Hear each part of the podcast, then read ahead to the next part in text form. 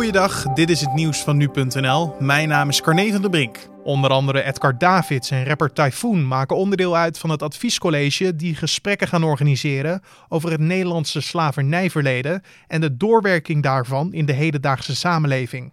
Dat schrijft minister Ollongren van Binnenlandse Zaken in een brief van de Tweede Kamer. De minister schrijft dat discriminatie en racisme hardnekkige problemen zijn in onze samenleving. Daarom is het belangrijk om met elkaar het gesprek aan te gaan, om stil te staan bij wat het slavernijverleden voor mensen in het heden betekent.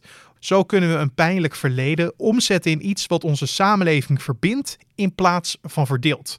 De verwachting is dat de dialooggroep voor 1 mei 2021 de bevindingen aan het kabinet aanbiedt.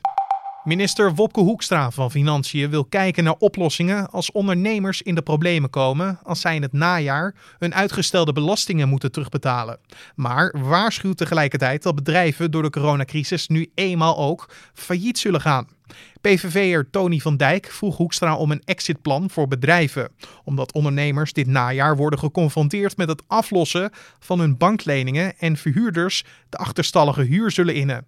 Hoekstra wil in de volgende fase, als het tweede noodpakket per 1 oktober afloopt, kijken wat verstandig en redelijk is, maar wilde daar verder niet concreet op ingaan.